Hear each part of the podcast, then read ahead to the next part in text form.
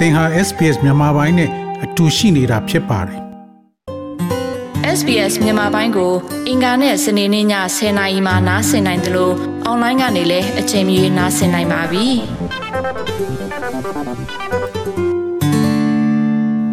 ကိုမမောင်ခင်ဗျာအခုလိုကျွန်တော်တို့ SBS Radio မြန်မာပိုင်းအစီအစဉ်နဲ့အခုလိုဆွေးနွေးပေးမဲ့အတွက်ကျေးဇူးအများကြီးတင်ပါတယ်။ပထမဆုံးအနေနဲ့ကိုမမောင်ကဘယ်သူလဲဆိုတာကိုသောတာရှင်အနေနဲ့မိတ်ဆက်ပေးပါခင်ဗျာ။ ဟုတ်ကဲ့ကျွန်တော်နာမည်မောင်မောင်လို့ခေါ်ပါတယ်ပြည်သိညိုဝလို့ခေါ်ပါတယ်ကျွန်တော်ကမြန်မာနိုင်ငံလုံးဆိုင်ရာလူသမားတပတ်ကများအကျိုးရဲ့ဥက္ကရာတာဝန်ယူထားပါတယ်ခင်ဗျာဟုတ်ကဲ့အခုလောလောဆယ် ILO ညီလာခံမှာဆီယနာရှင်ကိုလက်မခံတာတော့ဒါနားလည်နိုင်ပါတယ်ဒါပေမဲ့ကျွန်တော်တို့ NUG အစိုးရကိုကြတော့ဘာအတွက်ကြောင့်လက်မခံတာလဲဟုတ်ကဲ့ပါကျွန်တော်တို့ ILO မှာပေါ့နော်ကမ္ဘာ့လူသမားရေးအဖွဲ့ချုပ်မှာ ဒီနိုင်ငံကိုစားပြုကိုယ်စားလှယ်ပေါ့နော် delegation national delegation လာတယ်ဆိုရင်အစိုးရအလုပ်ရှင်လို့သမား၃ဦးကိုယ်စားလှယ်တွေပါပါတယ်ဒါက ILO ရဲ့ဒီအခြေခံဥပဒေတတ်မှတ်ချက်အရာဖြစ်ပါတယ်သို့တော့အခုချိန်မှာကျွန်တော်တို့ NUG ပေါ့နော်ဒီမျိုးသားညီညွတ်ရေးအစိုးရရဲ့အလုပ်သမားအလုပ်ရှင်အစိုးရကိုယ်စားလှယ်ဆိုတဲ့အဖွဲ့တည်လေကိုစားပြုမှုမရှိဘူးပြီးတော့ စိုးရအနေနဲ့ရှိပေမဲ့ကျွန်တော်တို့ကနိုင်ငံပေါ့နော်ကျွန်တော်တို့က government တွေဖြစ်ပေမဲ့ state အနေနဲ့မရှိတဲ့အတွက်ကြောင့်လက်မခံသေးဘူးပြီးတော့အဓိကကြားရတာကတော့ကုလသမဂ္ဂအထူးညီလာခံက2021အထူးညီလာခံမှာဆုံးဖြတ်ခဲ့တဲ့ဒီဒီဆိုအကူမှာတိမမပြုဘူးဆိုတဲ့အနေအပေါ်မှာကမ္ဘာလုံးမှာရဖွဲ့ကျော်အားလုံးကနေလက်မခံခြင်းဖြစ်ပါတယ် ဟုတ်ကဲ့တော့ဒီနောက်ပိုင်းမှာကောဒီ NUG အစိုးရကိုလက်ခံလာမယ်လို့ထင်ပါလားလက်ခံလာဖို့လုပ်ဖို့ကတော့ကျွန်တော်တို့အားလုံးရဲ့တာဝန်ဖြစ်ပါတယ်ဟို NUG အစိုးရမှာအားနည်းချက်တွေရှိတယ်ဒါကိုလည်းဘာမှထူးထူးတွေပြောကြမရှိဘူးသို့တော့ကျွန်တော်တို့ကစိတ်အုပ်စုကိုလည်းဖို့ system change ပေါ့ပါဗျာတော့စနစ်ကိုပို့မြန်မာပြည်ရဲ့အနာဂတ် နိုင်ငံရေးမှာစစ်တပ်မပါဝင်ဖို့ကိုလုပ်တဲ့နေရာမှာ NUG ကိုအတိမတ်ပြုဖို့ဆိုတာကျွန်တော်အားလုံးရဲ့တာဝန်ဖြစ်ပါတယ်။ဒါကြောင့်မို့လို့ကျွန်တော်တို့ကတော့စူးစမ်းနေတယ်။အဲကျွန်တော်တို့လုံသမားတမက်ကကနေတဆင့်ပြည်ဆိုင်လုံသမားတမက်ကရဲ့အားလုံးကိုဒါကိုဘလို့နီးနဲ့ကူညီလို့ရမလဲဆိုတာကျွန်တော်တို့ဆွေးနွေးတာတွေရှိတယ်။ပြည်ပြည်ဆိုင်မှာရှိတဲ့နိုင်ငံရေးပါတီတွေကိုကျွန်တော်ဆွေးနွေးတာတွေရှိတယ်။ကျွန်တော်တို့အနေနဲ့ကတော့ယုံကြည်ပါတယ်။ပြည်သူကထောက်ခံမှုရှိလို့ရှိရင်ကျွန်တော်တို့ NUG ကို မကြာခင်မှာကျွန်တော်တို့ဒီဆိုင်ရာနိုင်ငံတစ်ခုခုကထောက်ခံမှုရပါမယ်လို့ကျွန်တော်ကတော့ယုံကြည်ပါတယ်ခင်ဗျာအဲ့တော့အခုလောလောဆယ်မှာဒီ NUG နဲ့အစိုးရနဲ့ဒီ CTUM မြန်မာနိုင်ငံလုံးဆိုင်ရာအလုပ်သမားသမဂ္ဂနဲ့ပူးတွဲပြီးလုပ်ကိုင်တာတွေဆွေးနွေးတာတွေရှိပါလားအဲကျွန်တော်တို့ကတော့အရင်တုန်းကအရင်တော့ဆိုလွန်ခဲ့သောအာကျွန်တော်တို့2021ပြီးဆုံးတဲ့အထိပါနော်ဒီဇင်ဘာလအထိမှာတော့ကျွန်တော်တို့ တပတ်တစ်ခါပုံမှန်တွေးဆုံပွဲရှိပါတယ်အခုနောက်ပိုင်းမှာတော့ကျွန်တော်တို့တွေးဆုံပွဲတွေမှာထူးခြားဖြစ်စဉ်တွေမရှိတဲ့အခါမှာတော့ကျွန်တော်တို့မလုပ်ပါဘူးဒါပေမဲ့ထူးခြားဖြစ်စဉ်ကအခုလိုပေါ့နော် ILO ကမ္ဘာလူငယ်ရအဖွဲ့ချုပ်ကိုကိုယ်စားလှယ်ပေးရမယ်ဆိုရင်တော့ကျွန်တော်အလုပ်သမားကိုယ်စားလှယ်နဲ့ဘယ်သူကိုပေးမလဲဆိုတာကိုကျွန်တော်ဒီ NUG ရဲ့အလုပ်သမားဝန်ကြီးဌာနကမေးပါတယ်မေးတဲ့အခါမှာကျွန်တော်တို့က ကျွန်တော်တို့ရဲ့အလုပ်သမားတပ်ပေါင်းစုတွေမှာအစည်းအဝေးလုပ်ပြီးတော့အစည်းအဝေးတွေကိုယ်စားလှယ်တွေကိုပြန်ပေးပေးပါတယ်ဒီအလုပ်တွေကိုတော့ကျွန်တော်တို့ကလိုအပ်တဲ့ချိန်မှာလိုအပ်သလိုကျွန်တော်တို့သူ့စည်းပြီးတော့ဒီဖွဲ့စည်းပြီးတော့ကျွန်တော်ညှိနှိုင်းပြီးတော့လှုပ်ဆောင်လာရရှိပါတယ်ဟုတ်ကဲ့တော့အခုလောလောဆယ်မှာစစ်အာဏာရှင်ကိုလည်းမတက်ခိုင်းဘူးဒီ NUG ကိုလည်းမတက်ခိုင်းဘူးဆိုတော့အခု CTUM အနေနဲ့ရောဒီအလုတ်သမားညီလာခံတက်လို့ရပါလားဟုတ်ကဲ့ပါကျွန်တော်တို့အရင်တော့ပေါ့နော်တော်လိုင်းရေး အာပြီးခဲ့တဲ့ online ကာလမှာ1992ခုနှစ်ကနေ2021အထိအထိကိုကျွန်တော်တို့ဒါကြီးတောက်လျှောက်ကျွန်တော်တို့မပလုံးတော့ရအဖွဲ့ချုပ် ILO ရဲ့ညီလာခံတွေကိုကျွန်တော်နှစ်တိုင်းတက်ခဲ့ပါတယ်တက်တဲ့နေရာမှာလဲကျွန်တော်တို့ကိုစေဦးကဘလောက်ပဲပြောပြောပါအဲ့တော့ကတော့ဘူချုပ်ခင်ညွန်းလို့ပါဗျာဘလောက်ပဲအကြမ်းဖက်သမားလို့ဘာလို့ပဲဆွဆွဆွဆွကျွန်တော်တို့ကပြည်ပြည်ဆိုင်ရာလူမသမက်ကအဖွဲ့ချုပ်တွေကလက်ခံထားတဲ့အဖွဲ့အစည်းဖြစ်ပါတယ် အပြင်ကိုကျွန်တော်တို့ BBC ဒီလွတ်လပ်တဲ့လူမတ်ကအဖွဲ့ချုပ်ပေါ့နော် International Confederation of Trade Unions ပါဒီရနေပြီးတော့ကျွန်တော်တို့အဖွဲ့ဝင်ဖြစ်ခဲ့တယ်2006မှာ ITUC လို့ခေါ်တဲ့ဒီ International Trade Union Confederation မှာလည်းကျွန်တော်တို့အခုလည်းကျွန်တော်အဖွဲ့ချုပ်ဖြစ်တဲ့အတွက်ကြောင့်ကမ္ဘာလုံသမားရေးရအဖွဲ့ချုပ်မှာတက်ရောက်နေတဲ့အလုံသမားကိုယ်စားလှယ်အစုအဖွဲ့နေနဲ့ကျွန်တော်တို့တက်ရောက်ခွင့်ရှိပါတယ်ပြီးခဲ့တဲ့ဂျူလ2ရက်နေ့ကဆိုရင်ကျွန်တော်တို့ရဲ့ ဟိုအလုံးမှုဆောင်ကော်တူဖြစ်နေတော့ခိုင်းစားအောင်ပေါ့နော်စေအုပ်စုကအစီဝရန်ထုတ်ထားတဲ့တော့ခိုင်းစားအောင်စေအုပ်စုက passport ကိုဖျက်သိမ်းထားတဲ့တော့ခိုင်းစားအောင်ကကျွန်တော်တို့မြန်မာနိုင်ငံအလုပ်သမားတွေကိုစားကမ္ဘာလူမျိုးရေးအဖို့ချုပ်မှာမြန်မာပြည်နဲ့ပတ်သက်ပြီးအခြေခံလူသမားအခွင့်အရေးချိုးဖောက်ခံရဆိုတဲ့ကိစ္စကိုတင်ပြခဲ့တာဖြစ်ပါတယ်။ဒါကြောင့်မို့လို့စစ်အုပ်စုကအတိမအပြုမခံဘူးပွဲမတိုးပေမဲ့ကျွန်တော်တို့သမတ်တမဲကကတော့ဝင်ရောက်ပြီးတော့ပြောဆိုခွင့်ရပါတယ်ဆိုတဲ့အကြောင်းကျွန်တော် တင်ပြလိုပဲခင်ဗျာအဲ့တော့ကျွန်တော်ကြားတာဒီစစ်အုပ်စုကဒီ CTUM အဖွဲ့ဝင်တွေကို passport တွေကိုပိတ်ထားတယ်သူတို့တရားစွမ်းမယ်ပါညာပြောထားတယ်အဲ့တော့ passport မရှိဘဲနဲ့အဲ့လိုခီးသွားတာပေါ့ကအတော်လေးခက်သွားမှာပေါ့နော်ဟုတ်ပါတယ်ဒါကတော့ဒီစစ်အုပ်စုရဲ့လုံထုံးလုံးလေးပါပဲနော်ကျွန်တော်တို့ကိုအကြမ်းဖက်သမားလို့ကြီးညာမယ်ကျွန်တော်တို့ရဲ့ကိုဝန်ထမ်းထုတ်ပါတယ်ကျွန်တော်တို့ CTUM ဒီအဖွဲ့ချုပ်ရဲ့ပို ကော်မတီဝင်29ရက်ဒီပုံမှန်124နဲ့ကျွန်တော်ရှေ့ပိုင်းတိုင်းခထိုင်းမှာရာဆွဲထားပါတယ်เนาะဒါကအစွဲကြီးပါပြီးတဲ့အခါနောက်ထပ်တစ်ခါကျွန်တော်တို့ဒီ29ရောက်ကိုပဲကျွန်တော်တို့ရဲ့ passport တွေကိုဒီပြည်ပြည်ဆိုင်ရာတန်ယုံတွေကိုပို့ပြီးတဲ့နောက်ကျွန်တော်တို့ကို passport ရဲ့တက်တန်းကုန်ဆုံးပြီလို့ပြောပါတယ်ကျွန်တော်တို့ကသူတို့လို့ပိတ်တိုင်းဖြစ်တဲ့လူတွေမဟုတ်ပါဘူးကျွန်တော်တို့မှအကူအညီပေးမဲ့ကျွန်တော်ပြောသလိုပဲ ဒီဒီပြည်ဆိုင်လို့ဒီမှာတမက်ကသွေးစည်းညွညွမှုဆိုတာရှိပါတယ်အဲ့တော့ဒီလိုအနေထားမျိုးမှာကျွန်တော်တို့တော့ခိုင်ဆောင်အောင်ကအခုဆိုရင်ဘူရောပါအခြေစိုက်ပြီးတော့ဒီမှာနိုင်ငံကိုပူစားပြုပြီးအလို့သမားတွေကလူခွင့်ဆိုင်ရာကောပြည်ပြည်ဆိုင်နိုင်ငံရေးတောက်ပြောဆိုနေတာဖြစ်ပါတယ်ခင်ဗျာဟုတ်ကဲ့တော့အခုလောဆယ်မခိုင်စားအောင်ကအပြင်ကနေသူဘာတွေများလုပ်ပေးလို့ရပါလဲအဲလုံပေးနေပါတယ်လုံပေးနေအလုပ်သမားခြေခံကွင်းနဲ့ပတ်သက်ရင် ကျွန်တော်တို့စမ်းဖို့ကုန်ထုတ်လောကနဲ့ပတ်သက်လို့ရှိရင်ပေါ့နော်သူကဒီအလုပ်အပ်တဲ့ brand တွေပေါ့ brand တွေနဲ့ပတ်သက်ပြီးတော့ကျွန်တော်တို့ဒီအလုပ်ရှင်အလုပ်သမားအစိမ့်မပြေတဲ့ကိစ္စတွေကိုသူတို့စူးစမ်းပေးနေတာရှိတယ်စေအုပ်စုရဲ့အငင်းပွားမှုရန်တရားမပါဘဲနဲ့ဒီနာမည်ကြီး brand ပေါ့နော်အဲ့ဒါတွေကိုသူတို့ကလျော်ချင်းငွေအလုပ်သမားတွေထိုက်တဲ့လျော်ချင်းငွေရအောင်မှာကိုဗစ်ကမဲ့သွားသွားစေအုပ်ကြောင့်ပဲပိတ်တော့အဲ့စေအုပ်တွေမှာ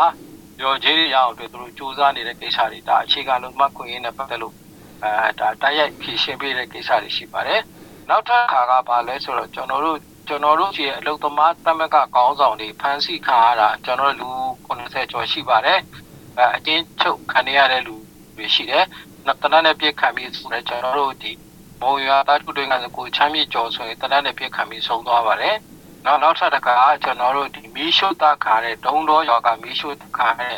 ကျွန်တော်တို့မုံရွာတမ်းအားရအဖွဲ့ဝင်တွေပါပါတယ်ဒီကိစ္စတွေကိုသူကအိုင်လိုကိုဥရောပသမဂ္ဂပေါ့နော် European Parliament ကိုကအဲ့ရဥရောပမှာရှိအမတ်တို့ကသူကိုယ်တိုင်သွားရောက်ပြီးတော့ဒီကျွန်တော်တို့အဖွဲ့ဝင်တွေတက်ပတ်သက်ပြီးတော့တင်ပြတဲ့ကိစ္စတွေရှိပါတယ်ဒီအပြင်ကျွန်တော်ကဒီဥရောပကထုတ်တဲ့ဒီစေအုပ်စုကိုစီးပွားရေးပေးဆိုဖို့ဖိအားပေးတဲ့ကိစ္စတွေမှာလည်းကျွန်တော်တို့ပါဝင်ပြီးဘာကြောင့်စစ်အုပ်စုရဲ့ဝင်ငွေကိုပိတ်ပင်နေဆိုတော့ ကျွန်တော်တင်ပြတဲ့ကိစ္စတွေရှိပါတယ်ဆိုတော့ဒေါခိုင်အောင်ကကျွန်တော်တို့ဥရောပအတွင်းရှိတဲ့ဒီလောကတွေအကူအညီနဲ့ပေါ့နော်အခုဆိုရင်သူဂျနီဗာမှာရှိနေပါတယ်သူဆွစ်ဇာလန်ကတမန်ကတွေအကူအညီနဲ့ဂျနီဗာရောက်တယ်ပြီးခဲ့တဲ့လကဆိုရင်သူစပိန်မှာသွားပြီးစကားပြောပါတယ်အဲမကြခင်အမေရိကန်နိုင်ငံမှာသွားပြီးအမေရိကန်လူမျိုးတမန်ကအဖွဲ့ချုပ်ညီလာခံမှာသွားရောက်ပြီးကျွန်တော်တို့ကိုယ်စားစကားပြောဖို့ရှိတယ်။သွားတဲ့အခါမှာလည်းတခြား နိုင်ငံရေးကိစ္စတွေပြောဆိုဖို့ရှိပါတယ်ဆိုတော့တော့ခိုင်ဆောင်အောင်နေတော့ကျွန်တော်တို့လုံသမားတွေကိုစားမြန်မာနိုင်ငံကိုစားတော်တော်များများပြောဆိုလုပ်ကင်နိုင်ပါတယ်လို့ကျွန်တော်တို့တင်ပြနိုင်ပါတယ်ခင်ဗျာဟုတ်ကဲ့နောက်အဲ့ CTUM မှာနောက်အမျိုးသမီးတစ်ယောက်ဖြစ်တဲ့ဖြိုးစန္ဒာဆိုးအောင်သူကဟောဘာတွေလုပ်ပါလဲ။အော်ဖြိုးဆန္ဒဆိုတော့ကျွန်တော်တို့ရဲ့ဒီလက်ထောက်အထွေထွေတွင်မှုတောင်းယူပါတယ်။ဒီကောက်ပွဲမှာသူ ရွေးလာတာပါ။သူကဒီဆောက်လုပ်ရေးတမက်ကဆောက်လုပ်ရေးနဲ့တက်လုပ်ငန်းတမက်ကရဲ့အာလက်ထောက်တွင်မှုလည်းဖြစ်ပါတယ်။သူကတော့အခုဒီနေ့အထိရန်ကုန်မြို့မှာရှိပါတယ်။ရန်ကုန်မြို့မှာရှိတဲ့ဒီကျွန်တော်တို့သာတော့တပိတ်မတီတွေတဲ့ပူတွဲပြီးတော့လုပ်ငန်းကိုဆောင်ရွက်နေပါတယ်ပံ့ပိုးနေပါတယ်เนาะဒီလုပ်ငန်းတွေကိုညှိနှိုင်းပါတယ်ကျွန်တော်တို့ဒီပြည်တွင်းမှာကော ဒီပမှာကောတော့ဒီပမှာတော့ခိုင်ပြည်ပြည်ဆိုင်မှာတော့ခိုင်ဆောင်ရှိပါတယ်ပြည်တွင်းမှာတော့တို့ရှိပါတယ်သူတို့နှစ်ယောက်ကညှိနှိုင်းပြီးတော့ပြည်တွင်းအခြေအနေကိုတည်င်းပို့တဲ့ကိစ္စပြည်တွင်းဒီလျှက်တစ်ပြက်သန္တာပေါ်ထုတ်တဲ့နေရာမှာပါဝင်တဲ့ကိစ္စတွေကိုဝိုင်းပြီးတော့လုပ်ပါတယ်ဒီအပြင်ကိုကျွန်တော်တို့ဒီတွင်းမှာလည်းဘလောက်ပဲစေအုပ်စုကကျွန်တော်တို့ကိုဖန်ဖန်ဝယ်ရန်ထုတ်ထုတ်ကျွန်တော်တို့မတရားအသိဉာဏ်ချင်းကျွန်တော်တို့ကတော့လူသမားတမက်ကအခြေခံသင်တန်းတွေ လူသမားဥပဒေတွေတော့သင်တန်းတွေတော့အများအားလုပ်ပါတယ်ဒါကိုလည်းကျွန်တော်တို့ကစက်တိုက်လုပ်နေပါတယ်လို့ကျွန်တော်တင်ပြလို့ရပါတယ်ဗျာဟုတ်ကဲ့နောက်တစ်ခုကဒီ ILO governing body မှာမြန်မာအမျိုးသမီးတယောက်ပါပါသေးလားဟုတ်ကဲ့ပါကျေးဇူးတင်ပါတယ်တော့ဖြိုးဆန္ဒဆိုးက ILO ကမ္ဘာ့လူ့အခွင့်အရေးအဖွဲ့ချုပ်ရဲ့ဒီဟပါပေါ့ဥဆောင်မှုကော်မတီပေါ့နော် policy ချပေးတဲ့ကော်မတီမှာတကဘာလုံးအတွက်လူသမားတွေတဲမှာရွေးတဲ့ထဲမှာ 36ယောက်မှာတစ်ယောက်အနေနဲ့ပါပါတယ်တကဘာလုံးရှိတဲ့လူသမားတမက်ကနေပြီးရွေးတဲ့ကိုယ်စားလှယ်36ထဲမှာတော့ဖြိုးဆန္ဒဆိုးအားမြန်မာပြည်ကိုကိုစားပြုပြီးတော့ပါတာနေမကဘူးသူဒီကဘာလုံးတစ်ကဘာလုံးမှရှိလို့သမားတွေရဲ့အိဆာနဲ့ပတ်သက်ဖို့ဆွေးနွေးနိုင်မှုအတွက်အရွေးခါရဲဆိုတာကိုကျွန်တော်တင်ပြလို့ရပါတယ်ခင်ဗျာအဲ့တော့ဒီစစ်အာဏာရှင်ကဒီအလုသမားသမဂ္ဂအဖွဲ့ဝင်တွေကိုလိုက်ပြီးတော့ ဖိနှိပ်နေတဲ့ချိန်မှာအခုမဖြိုးဆန္ဒဆိုကမြန်မာပြည်ထဲမှာဆိုတော့သူ့အတွက်အန္တရာယ်မရှိဘူးလားရှိပါတယ်ခင်ဗျာအန်ဒီရရှိပါတယ်အန်ဒီရရှိပေမဲ့လုံးဝမဲ့အလုပ်ကိုတော့လုံးဖို့ဆုံးဖြတ်ချက်ချပြီးတော့လုပ်နေတဲ့အတွက်ကြောင့်သူ့တက်နဲ့ရင်းပြီးတော့လုပ်နေတာဖြစ်တယ်သို့တော့လူလိုလူငယ်တွေအများကြီးလုပ်နေတာဖြစ်တဲ့အတွက်ကြောင့်သူတို့ရဲပေါ်ရဲပဲအင်အားပေးပြီးတော့တနိုင်တဲ့လောက်သူတို့ဆောင်ရွက်နေတာဖြစ်ပါတယ်ခင်ဗျာဟုတ်ကဲ့အဲ့တော့ ဒီ NUG ကိုတော့အခုလောလောဆယ်မှာဒီအသိမှတ်ပြုမဲ့နိုင်ငံတို့နောက်အဲ့လိုကမ္ဘာကုလသမဂ္ဂအဖွဲ့အစည်းတွေကတရားဝင်လက်ခံဖို့ကတော့အတော်လေးဟိုဝေးသေးတယ်ပေါ့နော်အဲကျွန်တော်ကတော့ကျွန်တော်တို့အားလုံးရဲ့တောင်းဝန်ဖြစ်တယ်လို့ကျွန်တော်ပြောထားပါတယ်။ဒါကြောင့်ကျွန်တော်တို့မှာရှိတဲ့ NUG တစ်ခုတည်းမဟုတ်တော့ပါဘူး။ NUG တစ်ခုတည်းလည်းလုံးလို့မရပါဘူး။သူတို့ကလူနေပါတယ်။နောက်ပြီးတော့သူတို့ယူထားတဲ့ role ပေါ့နော်။သူတို့ယူထားတဲ့ အဲလှုပ်ဆောင်ရမယ့်တောင်းဝန် executive ဆိုတဲ့ခါကြတော့သူတို့ကနိုင်တန်ရေးပါရေးတော့ပြောတဲ့အခါမှာညာနေပြီးတော့တချို့တွေမှာလှုပ်ရှားမှုလုပ်ဖို့အတွက်ကိုသူတို့ရှိမှာလူငယ်အားနေပါတယ်ဒါကြောင့်မလို့ကျွန်တော်တို့ပါဝင်တဲ့ပေါ့နော်ကျွန်တော်တို့ဒီအမျိုးသားညီညွတ်ရေးအတိုင်းပင်ခံကောင်စီပေါ့ NUCC ကနေပြီးတော့နိုင်ငံခြားရေးကိစ္စမှာပူးတွဲပြီးတော့လှုပ်ဆောင်မှုကြိုးစားနေပါတယ်လှုပ်ဆောင်နေပါတယ်ခင်ဗျာ အဲ့တော့ CTUM အနေနဲ့အခုလောလောဆယ်ကျွန်တော်တို့ Australia မှာအစတုန်းက liberal အစိုးရကတော့ဒီမြန်မာပြည်ကိစ္စနဲ့ပတ်သက်လို့ဘာမှစိတ်မဝင်စားဘူးဒါပေမဲ့ labor အစိုးရအတော်လေးစိတ်ဝင်စားပုံပြတော့ CTUM အနေနဲ့ labor အစိုးရနဲ့အဆက်အသွယ်တွေလှုပ်ထားတာရှိလားမရှိခဲ့လို့ရှိရင်နောက်မှဘာတွေလှုပ်ဖို့ရှိပါလဲအာအရင်တော့ကိစ္စတွေကိုနည်းနည်းပြန်ပြောရရင်ပေါ့နော်အချိန်တုန်းကတော့ကျွန်တော်တို့ FTV ဘောမှာတော့ကျွန်တော်ကဟို Australian လုံသွားတမ်ကအဖွဲ့ချုပ်ကနေတသိပြည်လဲလေပါပါတီကိုကျွန်တော်တို့အဆက်အသွယ်ရခဲ့ပါတယ်။အာပြီးတော့တူတူလေးပူပူပေါင်းဆက်ပါတယ်။ဒီပြင်ကျွန်တော်တို့ Australian နိုင်ငံမှာကျွန်တော်တို့ Australia မှာရှိတဲ့စတော့ကောင်လုံသွားတမ်ကရဲ့အကူအညီနဲ့အာ Sydney မြို့မှာရှိတဲ့ဒီ Labor Council building ပေါ့နော်အဲ့ဒီမှာကျွန်တော် NUG အတွက်ကိုရုံးခန်းကိုကျွန်တော်တောင်းခဲ့ပါတယ် ကျွန်တော်တို့အလုပ်သမားတမက်ကရုံးရတာဖြစ်ပါတယ်သို့တော့ကျွန်တော်တို့ဒီအားလုံးအတွက်ကျွန်တော်တို့တော်လိုင်းရေးအတွက်ဆိုပြီးတော့မှကျွန်တော်တို့ကဒီအမျိုးသားညွန်ပေါင်းအစိုးရကိုကျွန်တော်တို့ကရုံးခန်းကျွန်တော်တို့ပေးရခဲ့ပါတယ်အဲဒီရုံးခန်းကလည်းကျွန်တော်တို့ community ကပေါ့နော်အားလုံးကဝိုင်းပြီးတော့ဆောင်ရွက်တဲ့ရုံးခန်းဖြစ်တယ်ဒါကိုလည်းကျွန်တော်ပြန်တင်ပြချင်တယ်အခုတော့ NUG ကရုံးခန်းရသွားတဲ့အတွက်ကြောင့်ကျွန်တော်တို့ကူညီဖို့မလိုတော့ပါဘူး။ သို့တော့ ALB ကိုတော့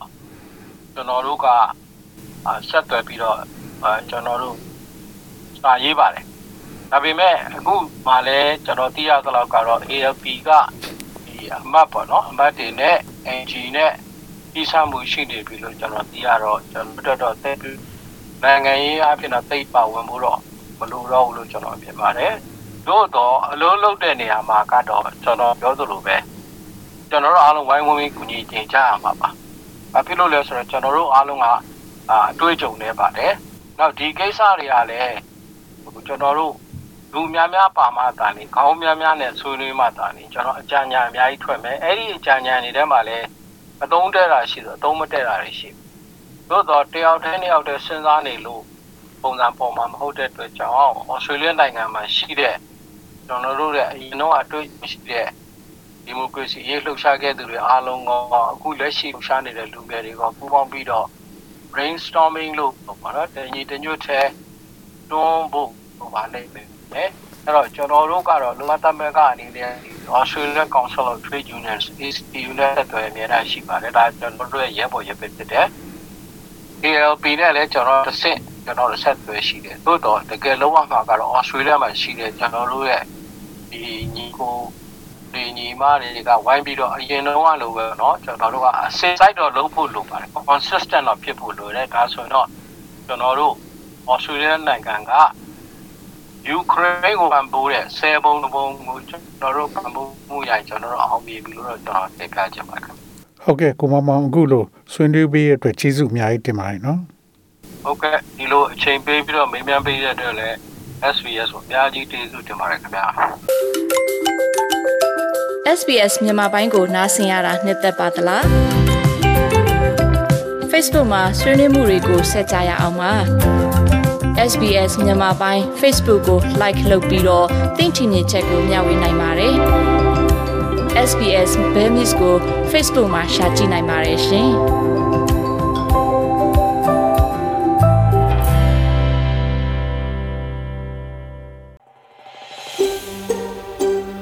ဒါမျိုးသတင်းဆောင်မတွေကိုပိုနားဆင်လိုပါလား Apple Podcast Google Podcast Spotify တို့မှာသင်ပင်ရာဖြစ်ဖြစ်ရယူတဲ့ podcast ကနေပါ